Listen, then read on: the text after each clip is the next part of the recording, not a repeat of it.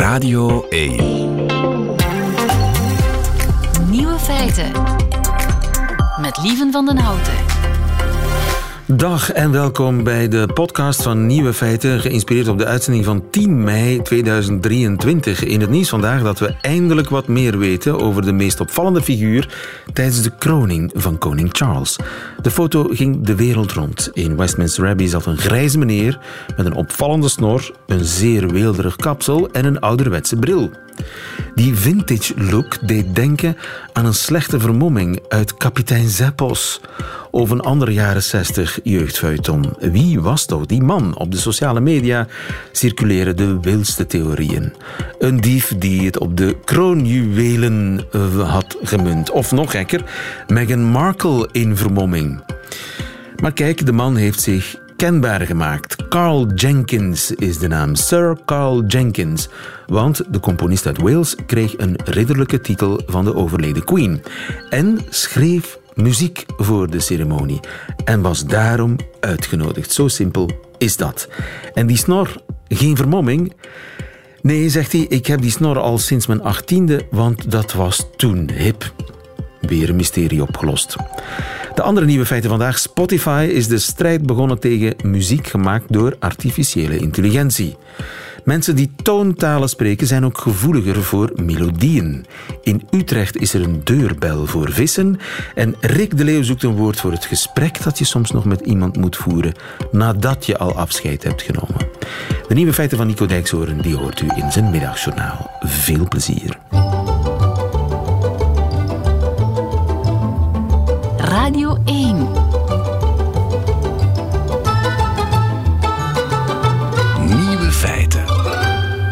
In Utrecht is er een deurbel voor vissen. Anne Nijs, goedemiddag. Goedemiddag. Je bent stadsecoloog in Utrecht. Hoe lang is die deurbel daar al? Ja, die is er nu twee jaar. Uh, we doen het nu voor het derde jaar. Dus uh, twee jaar geleden hebben we hem geïnstalleerd. En nu is het de derde keer dat we hem aan hebben gezet. En is het een soort bel waar vissen kunnen op drukken? Nee, vissen kunnen er niet op drukken. Uh, vissen die, het is een camera die onder water hangt bij een sluis. Dus vissen die, die, die komen daarvoor te zwemmen als ze erdoor willen. En dan ja, wordt er een. het beeld wordt live gestreamd naar een website. En daar is een digitale deurbel voor mensen. Het is een digitale deurbel voor mensen die vissen willen helpen. Daar komt het eigenlijk Precies. op neer. En waarom moeten die vissen daar doorheen? Ja, we hebben in Utrecht een rivier dwars door het centrum stromen. Uh, en vissen willen in het voorjaar uh, die stroomopwaarts zwemmen om eitjes te gaan leggen, verder het binnenland in. En dan kunnen ze eigenlijk alleen maar die route nemen. Dus ze willen dwars door Utrecht zwemmen.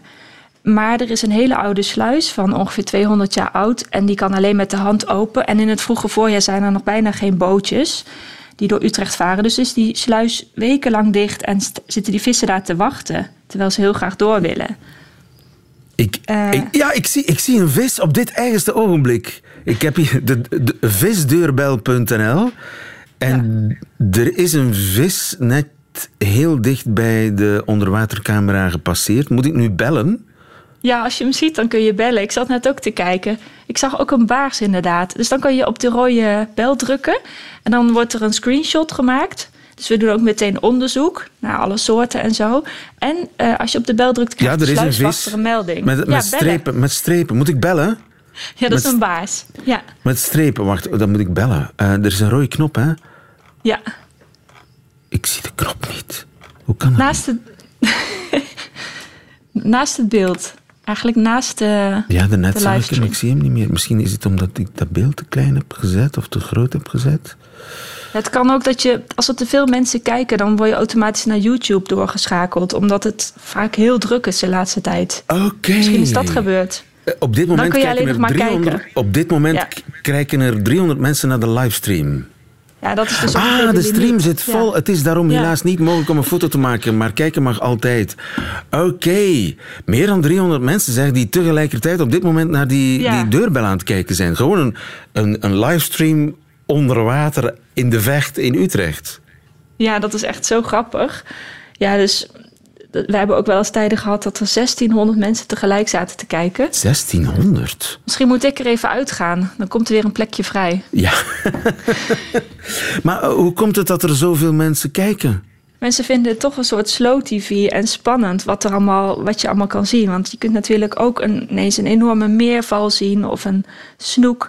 En het is ook heel populair geworden in, uh, in bijvoorbeeld Amerika en in Duitsland. Want in Amerika was er een, een, uh, ja, een TikTok, uh, TikToker die heeft een filmpje gemaakt. En daar hebben iets van een miljoen mensen hebben dat gezien. En is het heel populair daar. Oké, okay, we gaan eens luisteren naar die TikTok. Nobody freak out, but it's finally fish doorbell season. This might not be the most useful site on the internet, but it's definitely one of the best. Allow me to explain. So the site is called Fish Doorbell, which is Dutch for fish doorbell. And you might be thinking, wow, I wonder what that means. There's no way it's a doorbell for fish. But it actually is a doorbell for fish. En dus sindsdien kijken de Amerikanen ook naar uh, uh, visdeurbel.nl. Nu, ik zag er net heel even een baars uh, in beeld en die was meteen weer weg. Ik heb hem er net nog even teruggezien, maar ja... Als ik dan bel en dan komt er iemand kijken, die ziet niks natuurlijk, want die baars is al lang weer weg. Ja, en dan is er dus wel een foto gemaakt van dat beeld toen jij belde. Ah. Uh, en daar kan, dat kan de sluiswachter zien. En als er heel veel belletjes komen, dan gaat hij ook kijken. En dan, dan ziet hij wel dat er veel vis is op al die foto's. Dan gaat hij de sluis extra open doen. Dus de sluiswachter komt alleen in actie als er echt heel veel meldingen zijn.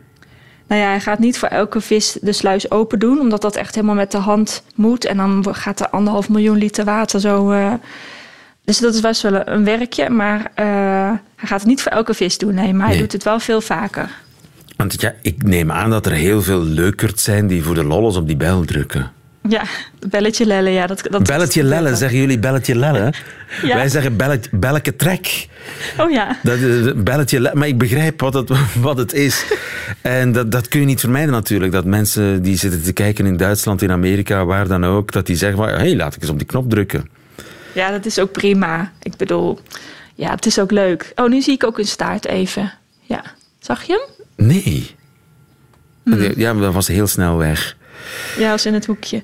Ja, Maar dus op die manier eh, eh, zijn vissen eigenlijk eh, gered.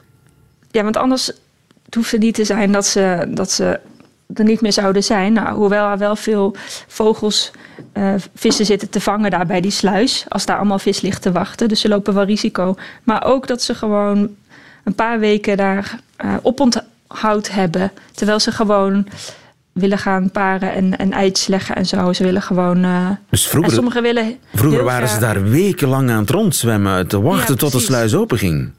Ja, dat zag je dan ook. Dat water helemaal woelig van allemaal grote baarsen en andere vissen die daar waren. En sommigen willen helemaal naar Duitsland zwemmen. Dus ja, die, die hebben gewoon nog wel een weg te gaan. Het is echt wel zonde. Dus ik hoop dat mijn baars eh, straks eh, de, de sluis in mag en verder stroom opwaarts mag zwemmen om zijn ding te gaan doen. Ideaal zou natuurlijk zijn mochten de vissen op de een of andere manier kunnen geleerd worden om zelf een bijl te bedienen. Zou Ja, dat, dat zou wel- enigszins... Is, is, is dat denkbaar? Eh, nou, ik weet niet of, of, of je dat kan leren. Dat heb ik nog nooit gehoord. En dan heb je dus toch nog dat die sluis bij ons met de hand open moet. En het is, niet, het is geen... eh, Nee, Oh, het kan het, is geen, het kan automatisch. niet automatisch. Dus eigenlijk zoals het nu gaat, is het eigenlijk perfect met die visdeurbel.nl livestream. Eigenlijk wel, want het is, heel veel mensen genieten er ook van. En daar krijgen we heel veel fanmail van mensen die het gewoon zo leuk vinden. En die zeggen, ja, als ik niet kan slapen s'nachts, dan ga ik altijd even kijken. En dus, Slow TV. En je helpt er de vissen mee. Dankjewel in eh, Utrecht voor ons. Oh, kijk, daar zag ik er weer eentje. Het blijft spannend. Anne Nijs, dankjewel. Goedemiddag. Bedankt. Het ontbreekwoord. Rick de Leeuw gaat op zoek naar woorden die in onze taal helaas nog niet bestaan. Een woord zoals nobiel, Ja. bijvoorbeeld. Hè? Ja. Ruud Hendricks, goedemiddag. Goedemiddag. Bij Vandalen nobiel. Ja. Een periode zonder eh, mobiele telefoon. Zonder mobiel. Ik ben vandaag nobiel. Ik heb geen mobiele telefoon. Donderslags is ook zo'n ontbreekwoord die hier eh, is geboren, geworden. Ja. In, eh, in, geboren is in, in Nieuwe Feiten op woensdagmiddag, donderslags, van de ene dag op de andere. Zelfdenker. Ja. Iemand die niet gelovig is. Rick de Leeuw, goedemiddag. Rick! Het is niet mogelijk. Hallo, hallo. Oef, oef, misschien hebben we een nieuw woord nodig voor het gevoel van opluchting dat ik nu voel. Eh, het gevoel dat we, Rick de Leeuw, jou eindelijk toch in de uitzending kunnen krijgen. Beschermheer van het ontbreekwoord.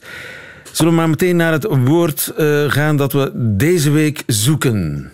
Laten we dat vooral doen. We waren op zoek naar een woord voor de conversatie die je moeizaam weer op gang moet zien te krijgen nadat je al afscheid genomen hebt. Misschien was het eh, wel de godenverzoek inderdaad. Het voorbeeld van vorige week was, je neemt afscheid voor de deur van een restaurant en blijkt vervolgens allebei dezelfde kant op te moeten. Een ongemakkelijke situatie die door de luisteraar van Radio 1 doorgaans soepel wordt opgelost door te gaan babbelen. We noteerden.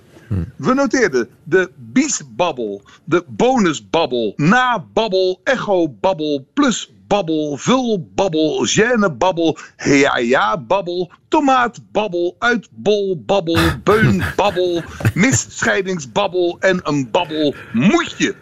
Een babbelmoetje vind ik ook niet slecht. Dat is allemaal niet geselecteerd voor je top 7, voor de situatie waarbij je net van iemand afscheid hebt genomen, iets hebt afgerond, maar dan toch nog ja, op de een of andere manier door de omstandigheden gedwongen. Je moet ofwel dezelfde kant op uh, stappen, of, of je kan nog niet meteen op de bus, weet ik veel. Dat je toch nog even staat met elkaar verplicht uh, ja, tijd door te brengen. En wat doe je dan? Dat, dat gesprek... Een plaatje draaien. Een plaatje draaien. uh, maar dat kan dus niet als je in sociale situaties. Goed, een top 7 graag voor die situatie. Juist, ja. Een bijzondere vermelding nog heel even voor luisteraar Jan Fred. Hij is een moedig man, want na de strenge les klassieke talen van onze voorzitter van vorige week durfde hij toch te komen met digredior precox. Hetgeen volgens hem zoveel betekent als voortijdig afscheid. Dat zal wel. Oké. Ja. Een moedige mens. Ja, enfin, moedig. Dit alles gezegd zijnde, een, een top 7. Juri Peters komt met verlengpraat. Verlengpraat. Mooi. Ja, mooi. Zeker Een mooi. verlengpraat. Een verleng... Ja, een beetje. Ik zou er een verkleinwoord van maken. Verlengpraatje. Een verlengpraatje. Een Zo, dat- verlengpraatje. Dat, dat maakt het net iets minder eh, gewichtig. Ja. Ja? Ja, ja, verlengpraatje. Zetten we een verlengpraatje op Maak de de lijst? Jury met het welbevinden van Jury maken we er een verlengpraatje van. Ja. Oké. Ja, ja, dat vind ik Ja. wel goed. Ja. Eh, Wim van Ranst eh, noemt het een PAG. Dat staat voor post-adieu-gesprek. En ik zou daar een PAG'tje van willen maken. Een PAG'tje. Een PAG'tje. Ja, kijk, je, dat, dat verkleinwoord doet het hem, hè? Dus, ja. Ja. ja, dus dan, we moeten een verkleinwoord hebben, denk ik. Maar ja, dan zit je weer met die moeilijke afkorting. hè. Post-adieu-gesprek. Wat is Een PAG, dat moet je gaan PAG'tje? uitleggen. Dan moet je het gaan Nee, uitleggen. Nee, daar zijn we tegen. Ja, dat... eh, ja, Daar dat- zijn we tegen, Wim. Sorry. Next. Ja, oké. Een, eh, een BVO'tje was in de tijd dat ik in een rockband nog wekelijks in de auto zat. Na afloop van een optreden een biertje voor onderweg. Dus een, een, het Een zijn wel BVO'tje. We doen een die- BVO'tje. ja. Een BVO'tje, dus een, een, PA een PAG'tje. Maar enfin, enfin. Maar Ja, het kan, ehm, hè? Maar het kan, maar het vraagt wat meer tijd om eh Ja. ingeburgerd te Nederlanders raken, houden ook meer van afkortingen. hè. Vinex, wijk en dat soort. eh, AOW. Ja, de vrijdagmiddagborrel. Of wat was het ook alweer? Heeft ook zo'n De vreemde. Vrijmibo, ja. Ja, kijk. Een, v- een vrij Mibo. De Vrijmibo, ja. Ja, de vrijmibo. Ja. Nee. Nu al trek. Ja. Geert de Cresson, Pascal Starin, Marianne Loods, Raf Moons, Emmanuel Maas en Claudia Nieuwenhuizen kwamen met epiloopje. Goed gevonden. Goed gevonden. Een epiloopje. Ja, maar ik ga nu echt kritisch zijn. Hè. Ik vind het mooi dat het weer een verkleinwoord Daar dien is. je voor, hè? Daar dien ja, je daar dien ik voor. Ehm, en ik snap ook wel, het, is een, het gaat over dat epiloogje. Hè. Maar als je dat loopje ziet staan, denk ik dat je automatisch de klemtoon naar voren zult halen. Een epiloopje. Epiloopje. Ja. Ja. Zo, omdat, ja, dat loopje. Ja, maar goed, nu ben ik echt. Een wel- epiloopje. Ik vind het niet slecht, maar... het epiloopje. Het epiloopje Epi, epilo, epiloopje. Een epiloopje. Goed, we houden het in Een beraad. epi in Nederland is eh, een inknipping bij een bevalling. Dus, eh, dus een epiloopje, ja, dat is een vrouw die wat moeilijk loopt na maar goed, nee, vergeet dat. Het wordt hem niet, geloof ik. Het Ja, maar weet het- Nee, ik weet het nog niet. Ik weet het nog niet. Oké. In alle eerlijkheid, ik dat- weet het nog niet. Dat het hier meer over de wandeling dan over het gesprek gaat. Ja. ja, ja. Ja. ja. Oké, all right. Eh, eh, Chris Verellen komt met een vijgen nagesprek. Of een vijgen nagesprek. Een vijgen nagesprek. Een vijgen nagesprek. Ja, kijk, als we, als we al moeite hebben met de klemtoon, dan... eh, ja, je voelt Ja, dat er iets maar- in ontbreekt. Een, een vijgen na het gesprek gesprek. Ja, oké. Ah, ja. ja. Oké, ja. Vij- Goed, nee, ja. volgende. Vijgen na praten. Ja. ja. Ja. Jan Boom, Jan Boon, sorry, komt met komkommercommunicatie. Komkommercommunicatie. Op zich ook niet slecht, maar ik heb er andere gevoelens bij. Ik denk van als je het echt niet meer weet waarover te praten. Dus het, het, de nuance is voor mij niet iets anders. Zoals een Het is een prachtig ontbreekwoord voor een woord dat we niet zoeken. Oké. maar, Welk woord zouden we daarvoor moeten verzinnen? Ja. Komkommercommunicatie, het gesprek is- dat je voert om, om, om de leegte te vullen. vullen. Ja. Ja. Oké. Ja, maar de- op zich wel een mooie vondst. hè, met die Komkommercommunicatie, komkommer. volgens mij moet Ja. die gewoon al meteen naar, op de ontbreekwoordenlijst komen. Maar dan voor, voor een an- onder ander lemma. Ja. Goed, eh, dat was Jan Boon. Hebben, we hebben er nog twee te gaan, hè? Ja, ja, ja. Thierry Robesien komt met een coda-gesprek. Mhm. Coda is een term uit de muziek. Het is, het is Italiaans voor een staart. Dus Ja, ja. het- het- Ja. het, Wa- eh, was een programmaatje vroeger was- op het einde jaren van de 80, denk jaren ik. 80, 90 hadden we Coda. een soort- zendersluiting. de zend- Ja, een soort dagsluiting op het einde. Coda. ja. Een was een coda. gedicht mee. Het was een gedicht, hè? Kan. Niet alleen, denk ik. Ik denk dat er soms ook schilderijen werden besproken. maar, eh, De jaren maar het is 80. op zich wel mooi natuurlijk, met dat coda. hè, van Coda-gesprek. Het afsluitende gesprek. Oké. Ja, Oké, ja. Moeilijke keuze wordt het deze week. Ja. Nog een laatste. Ik maak het nog iets moeilijker door de laatste suggestie te geven. Uh, Lieven Blondeel, Mark de Proft, Piet Goegebuur, Alexandra Cousy en Chris Bussen, allemaal onafhankelijk van elkaar, kwamen met rekgesprek. Vind ik goed. ja. Vind Maar zouden ik- we daar ook een verkleinwoord van maken? Een rekgesprekje. Een rekgesprekje.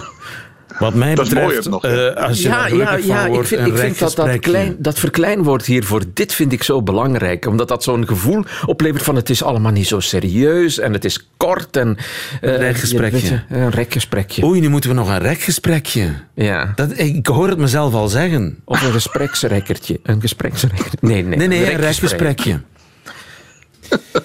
Zullen we het applaus laten komen? Wat, wat, heb jij al beslist? Jij hebt eh, absoluut beslist. Dus het is... Het rekgesprekje.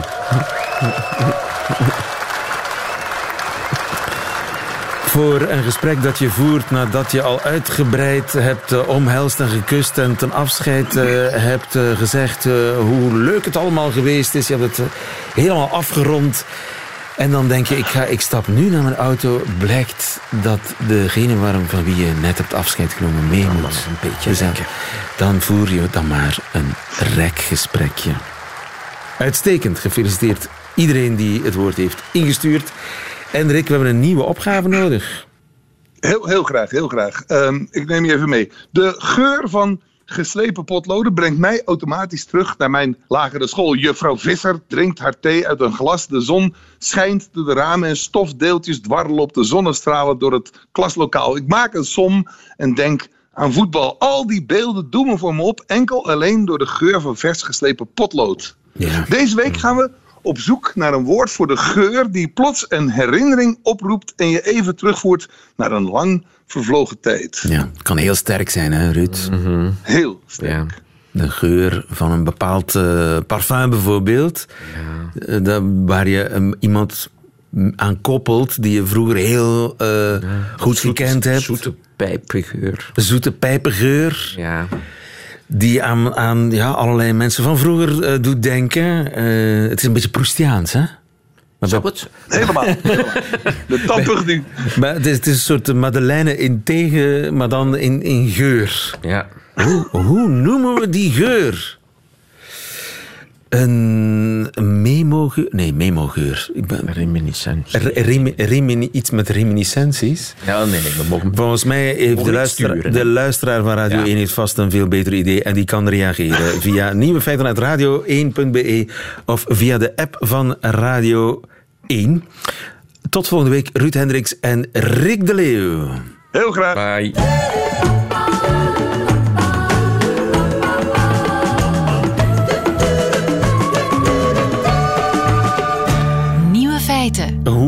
Muzikaal u bent, dat hangt ook af van uw moedertaal.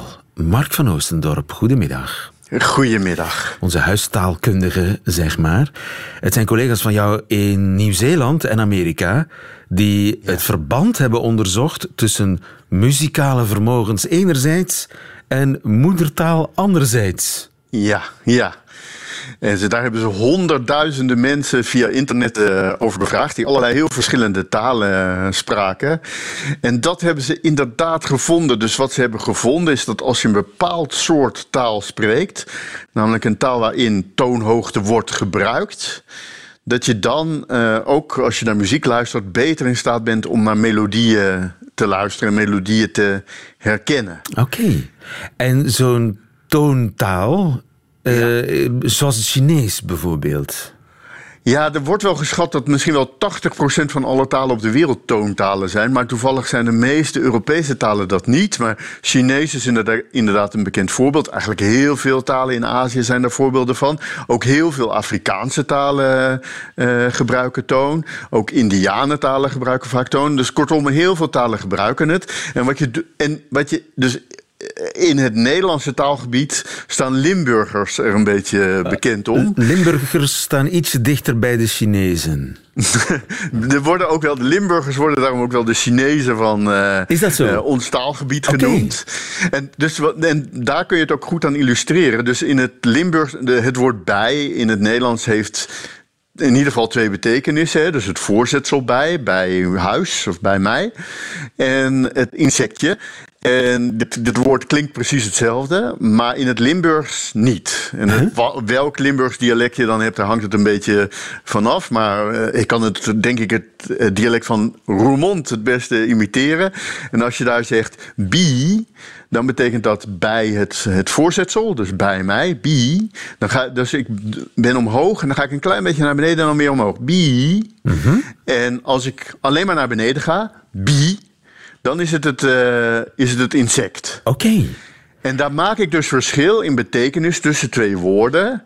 Met de toonhoogte die ik eh, gebruik. Dat en in is het een- Nederlands doe je dat niet. Hè? Dus daar eh, maak je wel gebruik van toonhoogte, maar alleen maar om tussen zinnen het eh, verschil te maken. Dus Ja, een vraag ik zeg. of een uitroepteken. Precies, Ja, ja. ja. ja, de, Laten we eens luisteren naar Chinees en dan, en dan vooral de vergelijking maken met Engels. May I borrow your dictionary? 我可以借你的字典吗？ She kicked the door. 他踢开了门。 My hobby is collecting coins. 我的业余爱好是收集硬币。 Het klinkt zeer melodieus inderdaad. Hè? Dat eh, Chinees, dat gaat helemaal op en neer. Ja, en vooral is dus weer, je moet heel goed opletten op die toonhoogte. Dus nog veel meer dan in het Limburgs.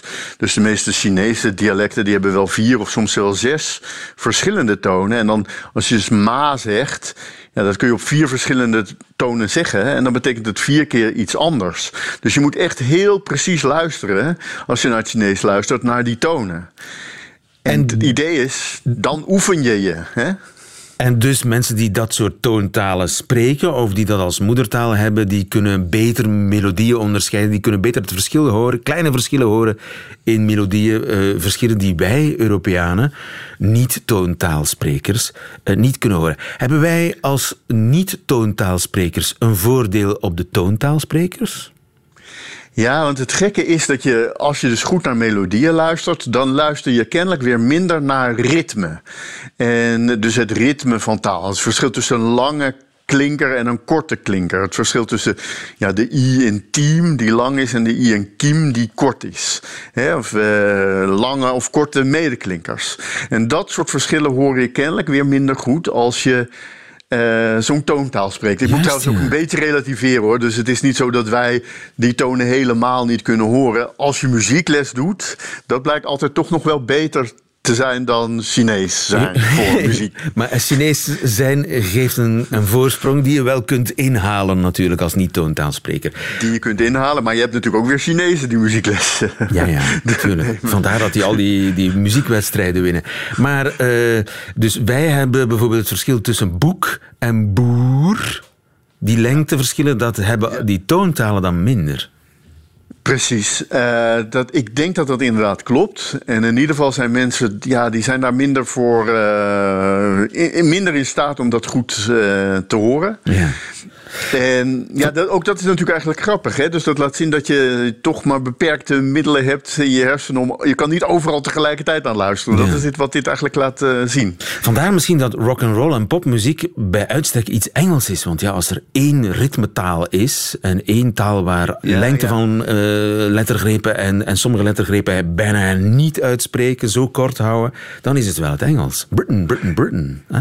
Ja, dat is heel interessant. En die, Amerika of die Amerikaanse muziek met name, die is natuurlijk wereldwijd populair. Denk ook aan rap, hè. dat is Ja. ook eh, eigenlijk alleen maar, dat is eigenlijk geen melodie en alleen maar ritme. En toch heb je inmiddels ook Japanse rap en eh, Chinese rap. En je, dus je hebt, het, je hebt het over de hele wereld. En het is dus heel grappig en interessant om te zien hoe mensen dat dan doen in al Ja. die verschillende talen. Wat is Zweeds in deze? Want daar wordt toch ook, als we luisteren naar een stukje uit, eh, van de Zweedse televisie bijvoorbeeld. Hallå där! Det var inte igår. Jo, det är bra. Det är varmt som satan. Ja, även här uppe.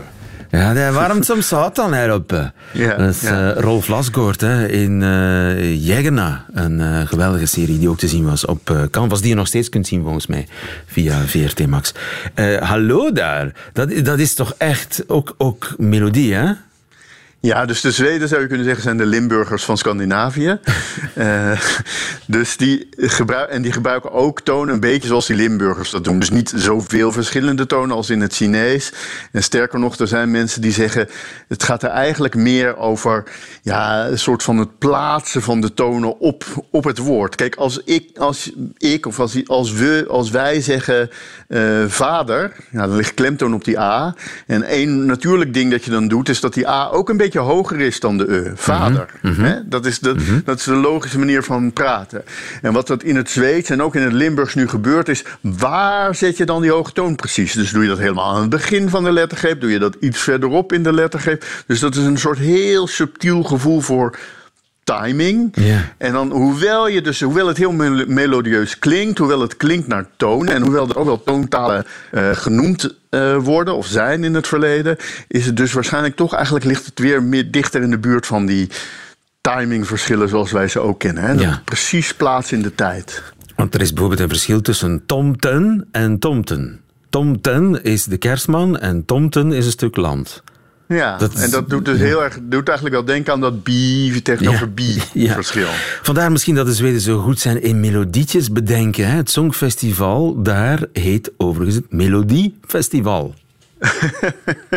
Ja, ja nou hebben de, Noor, de Nooren hebben eigenlijk ook zo'n soort eh, toonsysteem. Ja, het zit in Europa zit het om de een of andere reden die we ook niet zo goed begrijpen, een beetje aan de randen van Europa. Dus het is Scandinavië, het zijn ook eh, Kroatische dialecten, het is Estlands. Aan de randen van Europa zijn er talen met dialecten die van die tonen hebben. Ja.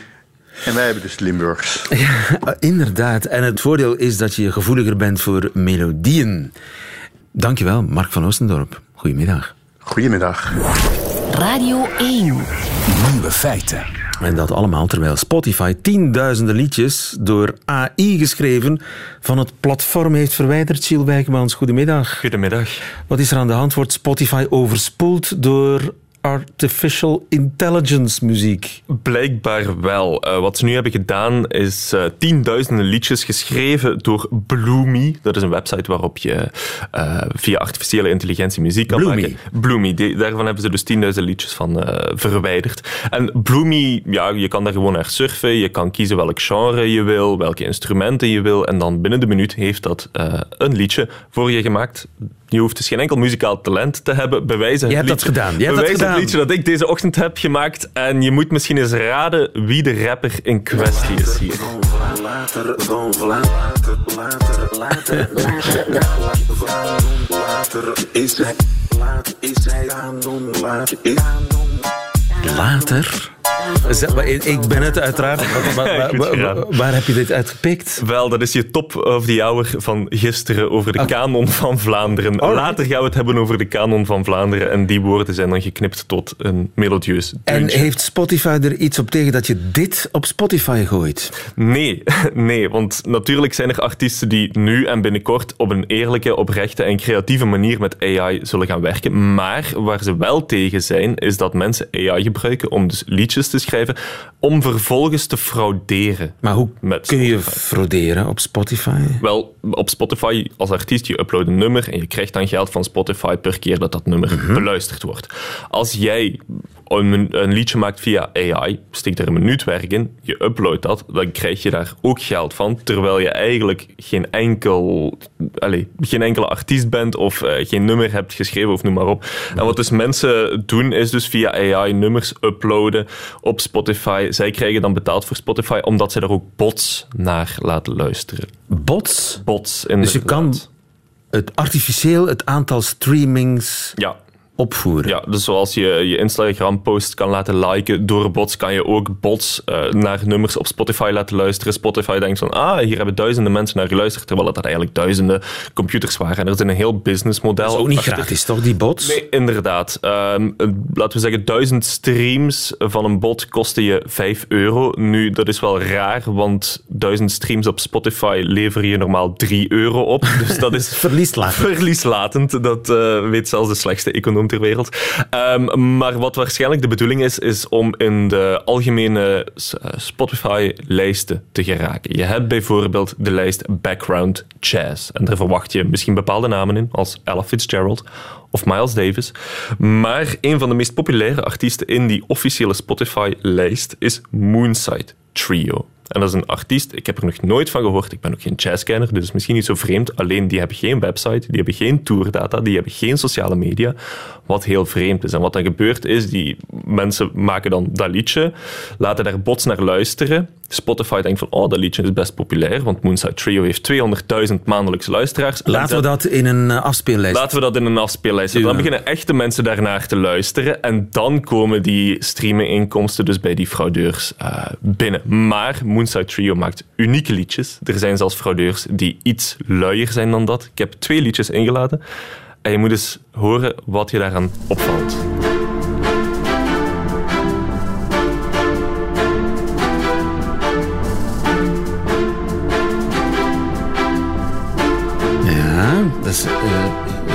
Gevarieerd. Dit is nummer 1 en dan dit is nummer 2. Dat is exact, dat is exact hetzelfde.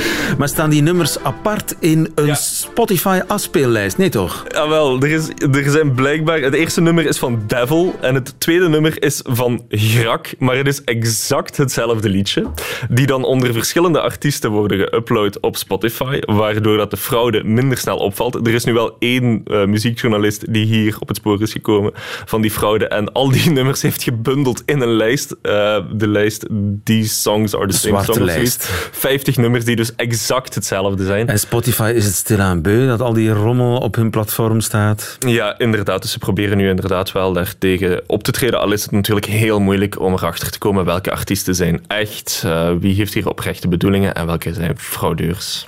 Maar dus heel veel eh, fraude op eh, Spotify en heel veel liedjes die eigenlijk door AI zijn gemaakt. Dankjewel, Gilles Wijkmans.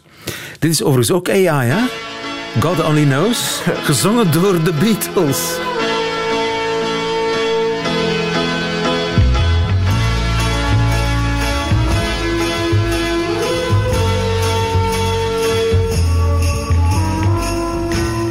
I may not always love you, but long as there are stars above you, you'll never need to doubt it.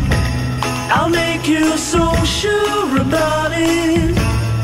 God only knows what I'd be without you. is krankzinnig hè, wat er tegenwoordig allemaal kan. De Beatles hebben nooit de Beach Boys eh, gecoverd, maar dankzij AI kan dat nu wel.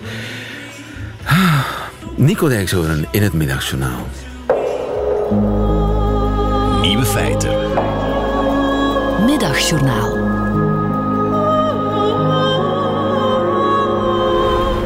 Beste luisteraars, soms heb je een schot hagel in je gezicht nodig en daarom keek ik gisteravond naar de halve finales van het Eurovision Songfestival in Liverpool. We kunnen zeggen de stad waar ooit alles begon met de Beatles en waar gisteravond eigenlijk alles eindigde met een fluitspelende dwerg.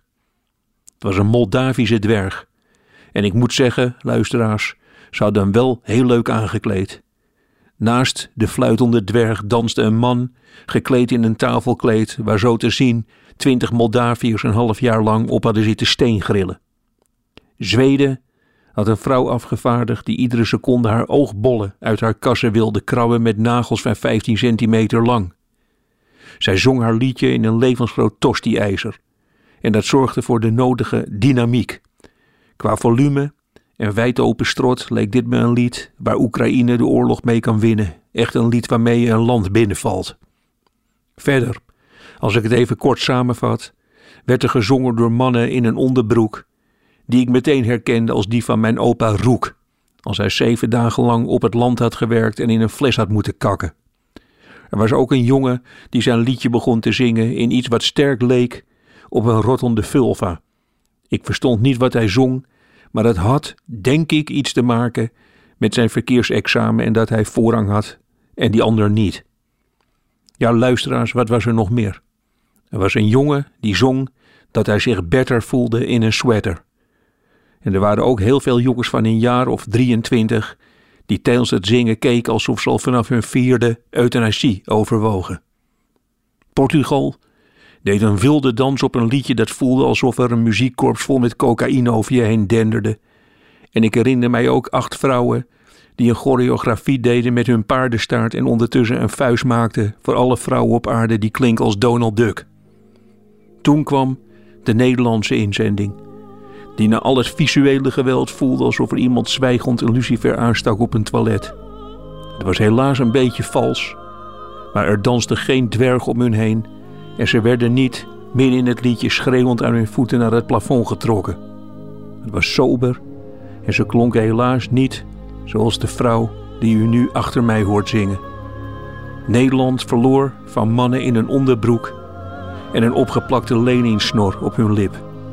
Luisteraars, op een of andere manier ben ik voor het eerst trots op mijn land.